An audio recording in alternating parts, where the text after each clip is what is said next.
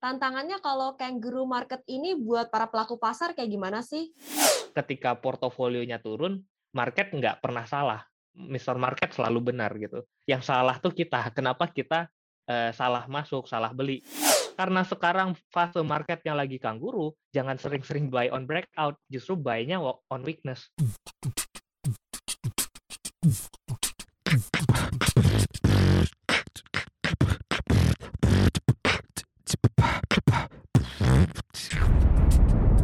Cuap-cuap cuan.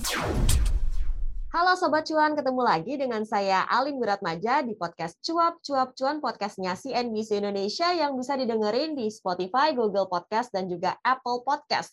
Kalian ngerasa nggak sih akhir-akhir ini situasi market tuh nggak menentu, kayak kangguru gitu ya, lompat-lompat, analisanya kok jadi sering kayak false gitu ya, dikira turun, ternyata naik, sudah di cut loss, ternyata masih naik, kemudian kita kirain naik, ternyata turun, false breakout gitu kan. Nah, kayak gimana sih kita sebagai trader di market yang kayak gini mengatur psikologi kita biar istilahnya kita tuh nggak down seperti itu, tapi kita bisa survive di situasi market yang seperti ini. Langsung saja kita akan ngobrol bareng nih dengan Chris Aprilioni, Branch Manager Jasa Utama Capital Sekuritas yang juga seorang content creator. Halo Kok Kris, apa kabar? Hai, Shalin, baik. Baik ya, meskipun kondisi market kita lagi begini ya, kok gimana sih? Uh, boleh kasih pandangan sekilas nggak kok kalau kondisi market kayak gini? Orang bilang kok kayaknya IHSG nggak ke mana-mana. Ini seperti apa sih di mata kok Kris? Sebenarnya ya, uh, ketika kita menjadi trader di pasar saham, itu kita harus tahu pasar itu bergerak ada tiga tren, naik, turun, atau sideways. Nah, kita tuh harus bisa beradaptasi dengan tren-tren itu. Jadi kalau kayak sekarang kan kita bisa prediksi, oh uh, lagi kangguru nih ya dari dua bulan terakhir ini cuma bolak-balik bolak-balik. Ya udah, kita harus ganti cara trading kita yang tahun lalu sahamnya lagi pada naiknya gila-gilaan dengan cara, oh, oh gue beli di support, jual di resistance, beli di support, jual di resistance. Orang yang bisa beradaptasi ketika perubahan tren itu, ya mereka yang akan cetak profit di saat-saat sekarang. Kalau kita hold lama ngarepin, oh ini bagus nih bakal naik terus-terusan gitu ya tahan mulu nggak ke mana-mana justru saatnya. Jadi bikin tambah stres gitu loh. Oke jadi di sini tuh memang benar-benar diuji kayak gitu ya. Tantangannya kalau kangaroo market ini buat para pelaku pasar kayak gimana sih? Nah, eh, justru ya kalau kita tarik sebenarnya cara trading orang, orang itu justru paling banyak habis uang ketika market lagi kangguru sekarang. Kenapa? Karena mau stay cash pas jual sahamnya masih bisa naik pas beli sahamnya rata-rata udah di waktu yakin beli kan rata-rata psikologi manusia ber, baru berani beli ketika sahamnya kan naik kebanyakan kan begitu. Nah ketika mereka beli sahamnya lagi naik ternyata itu udah di dekat resistance dan akhirnya turun gitu. Jadi uh, sometimes kita harus berani kayak tadi merubah pola yang awalnya yang sahamnya enak naik terus-terusan ubah tuh dari yang kita harus cek oke okay, dia akan sering mantul di dekat-dekat area bawah jadi sekarang harus sering beli justru ketika dia lagi merah tapi dekat-dekat support, ngarepin sahamnya naik lagi ke dekat resistance gitu. Harus ya kita harus uh, yang biasanya cuannya belasan persen, 20 persen di atas itu ya harus apa happy dengan cuannya mungkin cuma 4 persen, 5 persen, tapi berulang berulang terus gitu. Oke, harus adaptasi cara trading dan juga mindset trading dari sisi ekspektasi profit dan juga tadi cara entry-nya ya, Koya. Berarti ya uh, di sini buy on weakness mungkin yang bisa dilakukan seperti itu ya. Betul ya, uh, jenisnya adalah buy on weakness. Jangan di saat market lagi begini buy-nya buy on breakout gitu. Nah, kita bakalan bisa sering false breakout dong kalau kayak gitu ya. Iya, nah just gini, false breakout itu paling sering muncul ketika market lagi kangguru sekarang gitu. Makanya banyak orang waktu break beli, eh malah besoknya nggak jadi break turun lagi kan gitu. Jadi uh, merasa merasa dikhianati tuh. Ini harusnya udah break, harusnya naik kalau secara teknikalnya kan eh ternyata nggak jadi naik gitu. Uh, berbeda dengan kayak tadi saya bilang di waktu fase uh, ISG lagi uptrend di akhir tahun, justru kita beli waktu dia break. Kenapa? Ya karena itu kencang tuh, ISG lagi pada kencang-kencangnya. Kalau nggak berani beli waktu break, ketinggalan. Kalau ngarepin di bawah, nggak bakalan turun lagi ke bawah gitu. Jadi eh, karena sekarang fase market yang lagi kangguru, jangan sering-sering buy on breakout, justru buy-nya on weakness begitu. Jadi kita nih harus adaptif kayak gitu ya. Ini termasuk dari sisi sizing juga kak kok? Maksudnya biasanya nih kita uh, sekali entry berapa porsinya di kangaroo market kita perlu kurangin uh, porsi kita untuk di satu saham? Uh, kalau secara porsi sih sebenarnya nggak perlu ya. Cuma masalahnya banyak orang memaksakan kekuatan mental mereka untuk di porsi-porsi tertentu. Maksudnya gini, misalnya ya, gue biasa trading uh, sekali beli saya 100 juta misalnya satu emiten. Nah, karena terlalu overconfidence, jadi dia belinya mungkin jadi 200 juta atau 300 juta kelebihan dari mental yang siap dia terima. Kenapa mental yang siap dia terima? Maksudnya kalau turun, kalau nggak jadi naik, cut loss, itu uh, kita siap terima resikonya. Dan biasanya orang, oke okay, kalau gua masukin 100 juta, minusnya 5%, berarti kan cut loss-nya 5 juta nih. Nah, ternyata dia masukin ke uh, eh, 200 juta kelebihan tuh dari mentalnya mereka. Nah, karena mentalnya mereka nggak sanggup untuk nahan 200 juta itu, akhirnya ketika sahamnya drop, turun, mereka jadi nggak berani cut loss. Karena rasanya kegedean. Aduh, nih kalau gua buang, uh, sayang nih, gitu. Makanya jadinya kalau ditanya berapa sizingnya, tiap orang harus tanya ke diri sendiri, gua siap terima cut loss berapa persen. Jadi kita nggak bakalan ngomongin, oh ini kalau cuan naiknya berapa persen. Kalau cuan itu semua orang pasti happy. Tapi ketika sahamnya turun, kita sanggup cut loss itu ketika uangnya berapa juta misalnya gitu atau berapa persen. Nah, dari situ baru kita set, oke okay, berarti sizing untuk masuk ke satu perusahaan ini sekian. Dengan jangan lupa likuiditasnya. Jadi bisa beli 100 juta ya tetap bisa jual kan yang penting itu. Ntar belinya saham-saham yang nggak liquid, beli 100 juta jualnya bisa berhari-hari ARB mulu kan pusing juga. Kelok duitnya di situ gitu ya. Iya. Nah, ini semua gimana nih kok biar kita para uh, pelaku pasar yang masih pemula-pemula ini selamat sampai ke window dressing ini ibaratnya uh, fase kita lagi ujian nih ya menghadapi kangaroo market jelang window dressing gitu di akhir tahun. Gimana nih biar kita istilahnya amunisi kita tuh nggak habis-habis banget lah kok ngelewatin masa kangaroo market ini. Kalau bisa mah ya masih ada cuan-cuan lah gitu kok. Ya, uh, gini, saya selalu bilang trader itu diuji dua tahun. Kan kita banyak nih uh, waktu tahun 2020 uh, eh, angkatan-angkatan kolonials kan masuk tuh banyak uh, pembuka rekening baru di bursa. Nah, uh, mereka merasakan cuan dari setelah corona yang mungkin di bulan April sampai Desember kan rasanya enak banget. Itu kan fase lagi bullish-bullishnya gitu. Dan sekarang masuk ke fase kanggurunya gitu. Dan ini baru jelang satu tahun nih. Nanti mana tahu ada masuk lagi ke fase bearishnya misalnya gitu ya. Nah jadi uh, yang masih baru, ya kalian harus ngerti, market itu tidak selamanya enak. Sometimes, uh, market itu lagi kayak sekarang, nggak enak banget, nggak naik-naik gitu, nungguin lama banget. Nah, uh, tapi itu yang harus kita berusaha untuk gimana caranya ketika kita salah, cut loss-nya nggak terlalu gede. Tapi ketika nanti fasenya enak lagi, kita cuannya lebih gede, gitu. Da dan gimana sih kita bisa bertahan di kangguru market ini menjelang nanti akhir tahun window dressing? Ya saran saya tanya dulu, kalau memang mau belajar untuk trading di fase kanguru dan masih baru, ya porsinya dikurangin gitu. Tadi uh, apa sizingnya resikonya berapa persen yang bisa di apa diterima.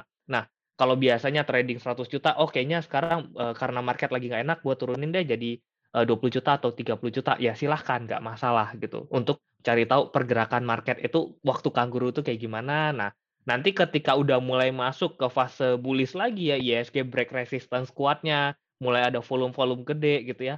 Nah itu baru hajar lagi rame-rame dan itu nggak apa-apa deh buy on breakout juga nggak masalah gitu waktu itu. Oke, seperti itu ya. Jadi kalau market lagi kayak gini kita lebih baik utamain mikirin risknya dulu nih ya. Benar, karena dibanding rewardnya. Ya, orang yang biasanya kaget karena terlalu sering mikirin oh ini kalau naik bisa double naik bisa double lupa kalau ternyata saham itu bisa naik bisa turun kan iya iya betul itu common banget ya kita sering lupa gitu ya kayak trade based on expectation bukan dari apa yang kita lihat di depan mata gitu ya. Benar. Makanya gue selalu bilang ke orang-orang kayak trading itu harus sesuai fakta. Jangan selalu berharap.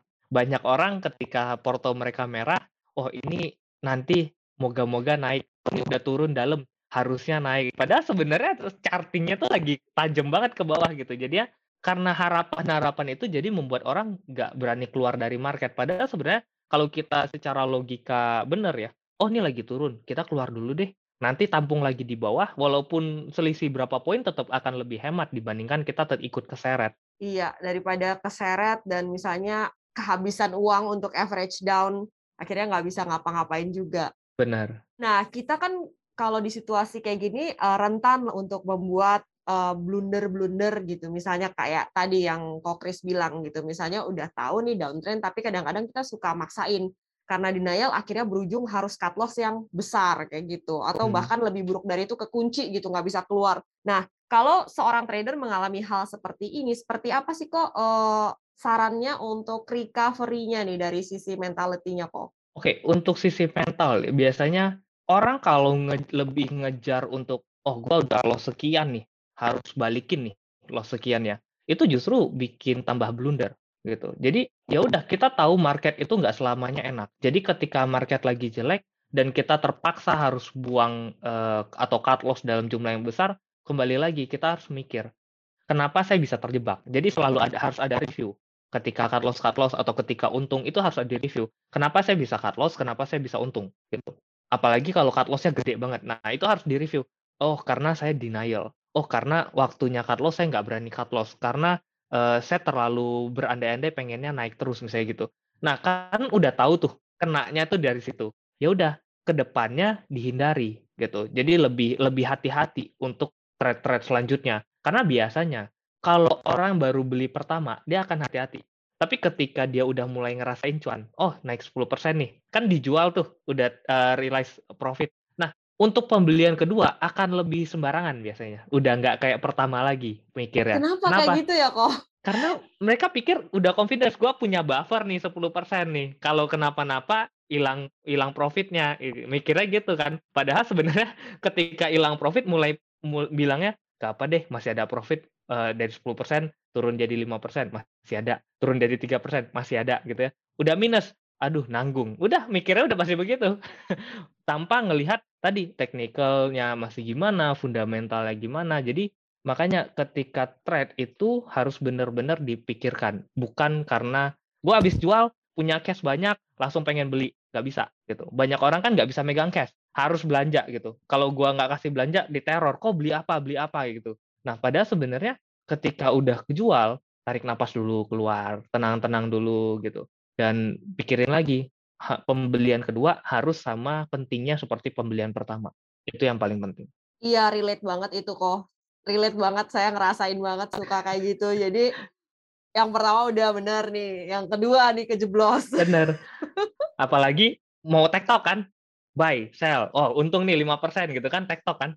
Habis itu yang kedua, ketiga tuh makin lama makin berat tuh sebenarnya buy sell buy sell akhirnya malah jadi nggak jadi untung. Pada pertama kali profit pada lima persen satu hari kan sudah udah bagus banget. Tapi banyak orang great di mana yang harusnya belum masuk mereka tetap ngotot mau masuk mau beli gitu. Kenapa? Karena ada cash.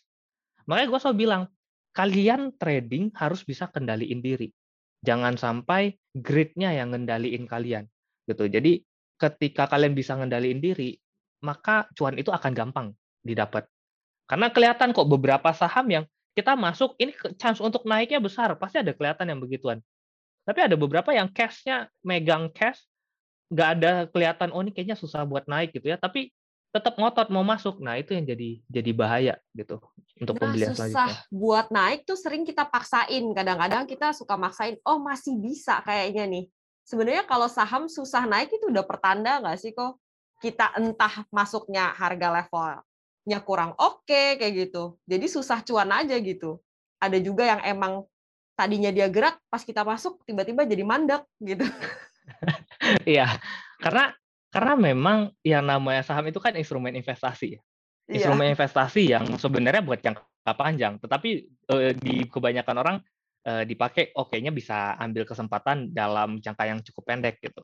Tapi balik lagi ketik makanya saya selalu bilang kita trading harus uh, rasional gitu. Dikasih untung satu minggu 10% itu harusnya udah bersyukur. Nggak perlu ngotot greedy harus lebih tinggi daripada itu. Atau bahkan ngelihat orang lain kan, wah orang lain bisa cuan hari ini arah nih 35%. Gua harus 50% satu hari. Nah, itu itu yang jadi sebenarnya yang jadi uh, trigger kenapa orang-orang itu greed. Padahal sebenarnya ya kita harus enjoy dengan tradingnya kita sendiri. Tidak semua orang punya punya rejeki yang sama, tidak semua orang punya cara style trading yang sama gitu. Jadi rumput tetangga akan selalu lebih hijau. So uh, bersyukur dengan rumput yang ada di rumah. Gitu. Wah, bener banget nih. Kadang-kadang sih kita suka kayak noises noises gitu ya kalau lihat sosmed. Kita udah Bener. cuan sebenarnya kita lihat profit orang. Wah, bisa bolak-balik berapa kali nih gitu yeah. kan? Atau misalnya, wah arah sampai dua kali gitu profitnya uh. gitu dalam dua hari gitu kan kita kayak jadinya kita udah sebenarnya cuan jadi kurang bersyukur gitu kayak gimana sih kok untuk kayak gini nih kita maksudnya ngelihat orang cuan kita jangan sirik tapi kita juga tetap bisa apa ya punya uh, pendirian lah kok gitu dalam trading. Gue selalu punya uh, pedoman ya karena kita tuh nggak perlu kaya besok tapi kaya itu butuh proses gitu. Selama equity kita naik itu tinggal tunggu waktu kapan multiplikasinya lebih besar karena gue selalu bilang, kita di saham bukan kayak kita kerja di kantoran yang setiap bulan itu gajian dengan fix uangnya sekian gitu. Mungkin uh, apa uh, berapa juta misalnya gitu fix. Enggak, di saham kita bermain pada persentase. Satu, satu juta hari ini, 10 persennya mungkin cuma 100 ribu. Tapi kalau kita konsisten, cuan dulu pelan-pelan, maka beberapa tahun kemudian uang kita jadi satu miliar misalnya, 10 persen hanya aja udah jadi 100 juta gitu. Dan itu adalah proses yang harus kita laluin. Karena nggak mungkin setiap orang satu juta mereka trading untung lalu jadi overconfidence langsung dikasih satu miliar belum tentu bisa balik bisa bisa untung seperti mereka trading di satu juta. Tadi mentalnya nggak siap. Satu juta ngelihat minus 10 persen mungkin cuma kelihatannya berapa tuh? Eh, seratus ribu gitu ya masih bisa ketawa. Satu miliar minus 10 persen seratus juta itu bisa jadi udah nggak nggak bisa senyum, merenung terus setiap malam nggak bisa tidur gitu. Jadi proses untuk menaikkan equity itu harus dilewati. Nggak bisa serta merta, oh gue cuan sekarang langsung cairin semua deposito, masukin nggak bisa gitu. Dan itu harus proses dan proses itu baru bisa benar kalau kita punya satu metode yang kita bisa uh, ikutin. Kita punya trading plan yang kita yakin kalau gue lakuin itu gue untung seperti itu. Oke, itu berarti ya uh, pas banget masih terkait nih kok soal konsistensi tadi udah dibahas juga oleh Kok Kris. Bahkan kita untuk konsisten di satu hari aja itu sebuah tantangan ya. Misalnya Betul. trading yang pertama transaksi sukses, trading yang kedua kita jadi kurang hati-hati kejeblos kayak gitu. Apalagi untuk membukukan uh, profit yang konsisten misalnya dalam hitungan minggu net profit dalam satu minggu, net profit dalam tiap bulan, net profit annually gitu. Nah, Uh, kuncinya di sini apa sih kok selain tadi punya metode trading plan? Kuncinya untuk bisa seperti itu ya, ya tadi ya harus banyak bersyukur sih. Jadi uh, sometimes ketika porto merah pun kita harus bersyukur karena dari situ kita jadi belajar kan. Kenapa bisa turun? Jadi lebih hati-hati. Kadang orang kalau pertama kali buka rekening terus uh, ngerasain langsung untung, maka ketika market lagi turun dikit aja tuh rasanya panik banget gitu. Tapi orang yang pernah ngelewatin kayak kemarin 2020 anjloknya gila-gilaan ya ISG-nya atau di Januari kemarin yang anjloknya gila-gilaan, maka setelah itu mereka akan jadi lebih tenang ketika market kayak saya kayak kangguru. Mereka akan lebih bersyukur, oh masih mending nih kangguru kayak gini daripada kayak kemarin di Januari ARB ARB terus gitu kan. Nah, makanya saya selalu bilang selama dua tahun pelajari pergerakan market itu kalau memang oke okay, dan kalau memang udah dapat metode oh gue lebih enak tradingnya fase uptrend, gue lebih enak tradingnya fase uh, kanguruis atau uh, gue scalping yang semua semua jenis market bisa masuk gitu ya. Nah, ya silahkan tinggal tinggal cari mana metode yang paling tepat untuk setiap orang karena tiap orang beda-beda. Oke, itu dia. Kalau boleh dikata uh, dalam kondisi kangaroo market gini kedewasaan kita di pasar juga diuji nggak sih kok dibangun juga dibentuk gitu? Ya benar sih karena kayak banyak orang kan bilang ketika market lagi bullish, even monyet pun bisa untung kan katanya gitu. Iya benar-benar. nah tapi ya eh, ketika market lagi kangguru begini akan jauh lebih eh, lebih terlihat mana orang-orang yang bisa mengendalikan dirinya, bisa ngelihat charting dan itu juga membuat orang-orang yang loss pasti mikir, kok gue loss mulu ya gitu. Kok gue uh, marketnya nggak ke mana-mana, portofolio makin lama makin turun. Nah itu akan akan terfilter sendiri tuh nanti uh, orang trader itu. Jadi ada yang belajar di saat fase ini, ada yang nyerah di saat fase ini, gitu. Nah, tinggal dipilih kita adalah orang yang mau nyerah atau orang yang uh, mau belajar untuk uh, ke depannya, gitu. Karena market itu ya bukan ketika portofolionya turun, market nggak pernah salah.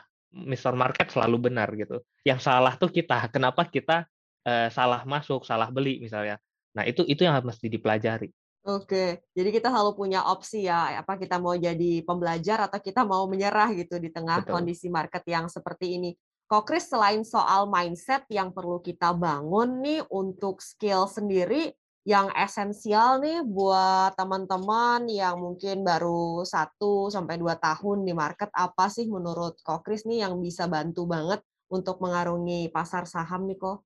Yang ngebantu banget sebenarnya kalau mau simple ya technical, tapi kalau uh, sebenarnya kan ada dua metode ya, technical, fundamental. Dua metode ini sama pentingnya. Cuma memang kalau buat start belajar awal yang gampang ya salah satunya technical gitu. Karena kalau fundamental kan mungkin nggak semua orang seneng baca, nggak semua orang dapat literasi yang mudah gitu. Tapi sekarang juga menurut saya enak sih karena media sosial itu udah di mana-mana kenceng gitu. Tinggal ketik aja di YouTube technical analysis, fundamental analysis itu semua muncul gitu ya. Buat belajar tuh gampang. Enggak kayak zaman dulu yang kita buat nyari technical sama fundamental tuh susah. Jadi sekarang pertanyaannya antara mau apa enggak aja gitu. Mau apa enggak aja, tapi banyak kan memang di antara teman-teman sendiri yang di market ini perilakunya itu mau cari gampangnya aja gitu, nggak mau Pengennya belajar. iya langsung mau rekomen, udah dikasih rekomendasi, nanya juga masuknya harga berapa, take profitnya harga berapa, atau target price-nya harga berapa, kayak gitu. Ini kayak gimana sih kok melihat fenomena kayak gini nih di market? Rekomen oke okay ya, karena sebenarnya untuk orang-orang yang masih baru, kan belum bisa analisa nih. Betul, mau nggak mau dia butuh panutan apa pasti akan nanya itu dulu tuh pertama Mentor kali ya. karena nggak tahu mau belajar dari mana kan nah betul tapi dari situ harusnya mulai belajar oke okay, gue dapat stock pick ini eh ternyata untung. Nah, kenapa untung? Gue dapat stock pit ini, uh, ternyata turun. Kenapa turun? Nah, di situ tetap harus ada ada usaha untuk tetap belajar gitu. Karena ujung-ujungnya, gue selalu bilang, kita nggak mungkin trading dalam jumlah uang yang besar, tapi ngarepin stock pick dari orang lain untuk milihin sahamnya apa. Nggak mungkin gue berani beli satu saham sebanyak satu miliar, masuk plug gitu ya, tapi ngarepin nanya orang, gue beli saham apa untuk untuk masukin satu miliar itu. Dan kenapa kita bisa pede hold saham untung 20%, 100%, 200%? Karena kita yang milih saham itu sendiri dan kita tahu ini perusahaan apa gitu. Karena kalau orang orang lain milihin buat gua misalnya ya. Nah, ternyata naik 2%, 3%. Yang dipikirin apa? Oh, ini hoki gitu. Iya kan? Betul, betul. Alasan dia naik kenapa? Gak tahu. Karena yang milihin itu bukan gua, bukan alasan gua kenapa gua harus milih saham A untuk beli gitu. Tapi dipilihin orang lain. Nah, itu jadinya ketika kita tidak yakin dengan apa yang kita pegang, maka akan lebih sulit untuk kita hold sahamnya itu secara lama. Mungkin oh, untung 2%, 3%, ya udah cabut. Mungkin lebih bukan untuk 2% ya, kayak market kan gerak naik turun. Naik nih 5%, untung nih profit. Terus 5 menit kemudian turun, minus 1%. Kan rasanya, waduh tahu gitu tadi gue jual di 5%, kan pasti ada nyesel begitu. Iya. Ternyata 3 menit kemudian naik lagi plus 2% gitu. Nah, itu pasti buru-buruan jual. Kenapa? Karena nggak pede. Tapi kalau kita milih sahamnya, kita pilih sendiri. Oke, okay, gue beli ini karena teknikalnya bagus atau karena fundamentalnya bagus, e, labanya naik, kayaknya bisa hold agak lama deh. Maka akan jadi e, kepedean itu akan muncul untuk berani hold saham itu lama. Lebih baik uh, nggak apa-apa untuk awalan mencari stock pick atau mentor untuk rekomendasi, tapi kita jangan tinggal apa mau bersihnya aja ya, gitu ya betul. harus lakukan PR kita juga gitu ya. Jadi kita punya confidence dan keyakinan untuk kita ambil satu posisi atas saham tertentu ya kok. Benar. Nah dari sisi money management nih kok apa yang harus dilakukan untuk survive di fase market yang membagongkan ini? Money management ya. Jadi uh, balik lagi mentalnya kita trading itu sebanyak apa? Kalau memang uh, belum siap uang yang gede kecilin gitu. Tiap orang punya porsinya masing-masing. Ada orang ngelihat satu juta kecil, ada orang ngelihat satu juta itu besar. Jadi gua nggak bisa bilang kalian harus trading sekian sekian nggak bisa. Gitu. Balik lagi kalian yang atur kalian sendiri karena ujung-ujungnya yang namanya pasar saham e, sebenarnya individual ya. Kalian untung untuk kalian sendiri, kalian loss untuk kalian sendiri juga gitu. Jadi untuk itu tidak ada hal yang pasti di bursa sehingga tidak ada satu literasi yang kalian guidance-nya harus satu dua tiga beli saham harus satu dua tiga yang begini pasti cuan nggak ada gitu. Jadi itu yang akan kita journey untuk kita mencari gua itu jenis orang seperti apa. Oh gue trader yang scalping gitu. Ya udah uh, kalian diciptakan untuk jadi scalping. Scalping disuruh jadi gaya yang kayak Palok Hong hold 10 tahun pusing itu gitu. Karena nggak biasa kan? Nah Palok Hong yang gayanya 10 tahun berani hold saham disuruh scalping yang tektok tektok dua persen itu lebih pusing lagi kan gitu. Jadi uh, setiap orang itu punya kriteria masing-masing, tapi tujuannya adalah untung. Nah, uh, dari semua orang-orang trader yang udah uh, mem memiliki hasil ya, yang yang sukses di pasar saham, itu metodenya beda-beda.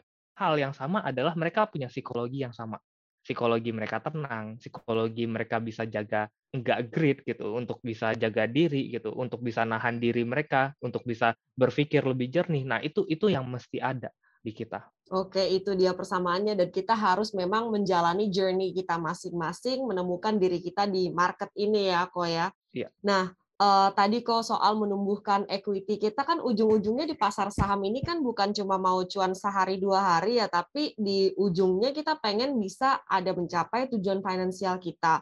Boleh dibagiin nggak kalau dari kok Chris sendiri untuk strategi pengaturan asetnya? Kok misalnya cuan dari saham ini ditaruh di instrumen apa lagi supaya langgeng gitu kok asetnya dan bertumbuh gitu. Karena kan market kan volatil ya kok. Hmm. Profit bisa digulung lagi kayak gitu.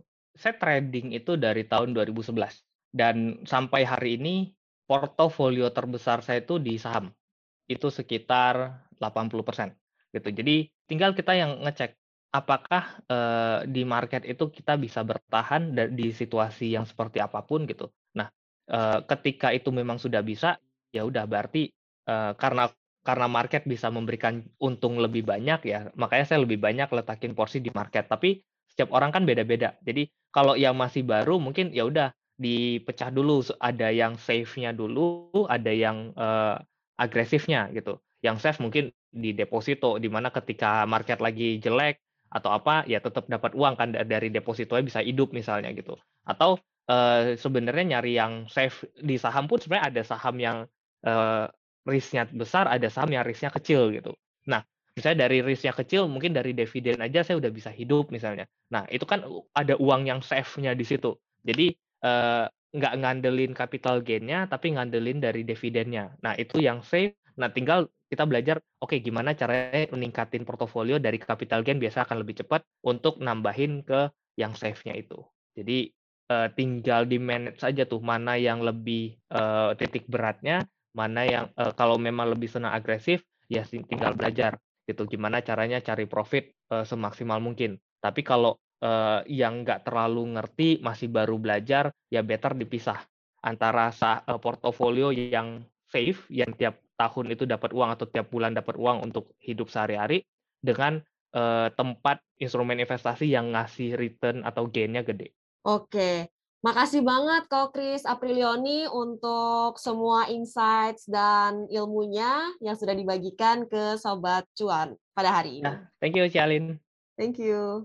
Ya, Sobat Cuan, itu tadi perbincangan kita dengan Chris Aprilioni, Branch Manager dari Jasa Utama Capital Securitas, yang juga seorang YouTuber dan content creator. Semoga bisa bermanfaat ya buat Sobat Cuan semua mengarungi kangaroo market ini sampai kita semua survive dan cuan luber di window dressing Bursa Efek Indonesia. Podcast Cuap-Cuap Cuan ini bisa Anda dengerin di Spotify, di Google Podcast, dan juga di Apple Podcast. Semoga bermanfaat. Sampai jumpa di episode berikutnya. Bye!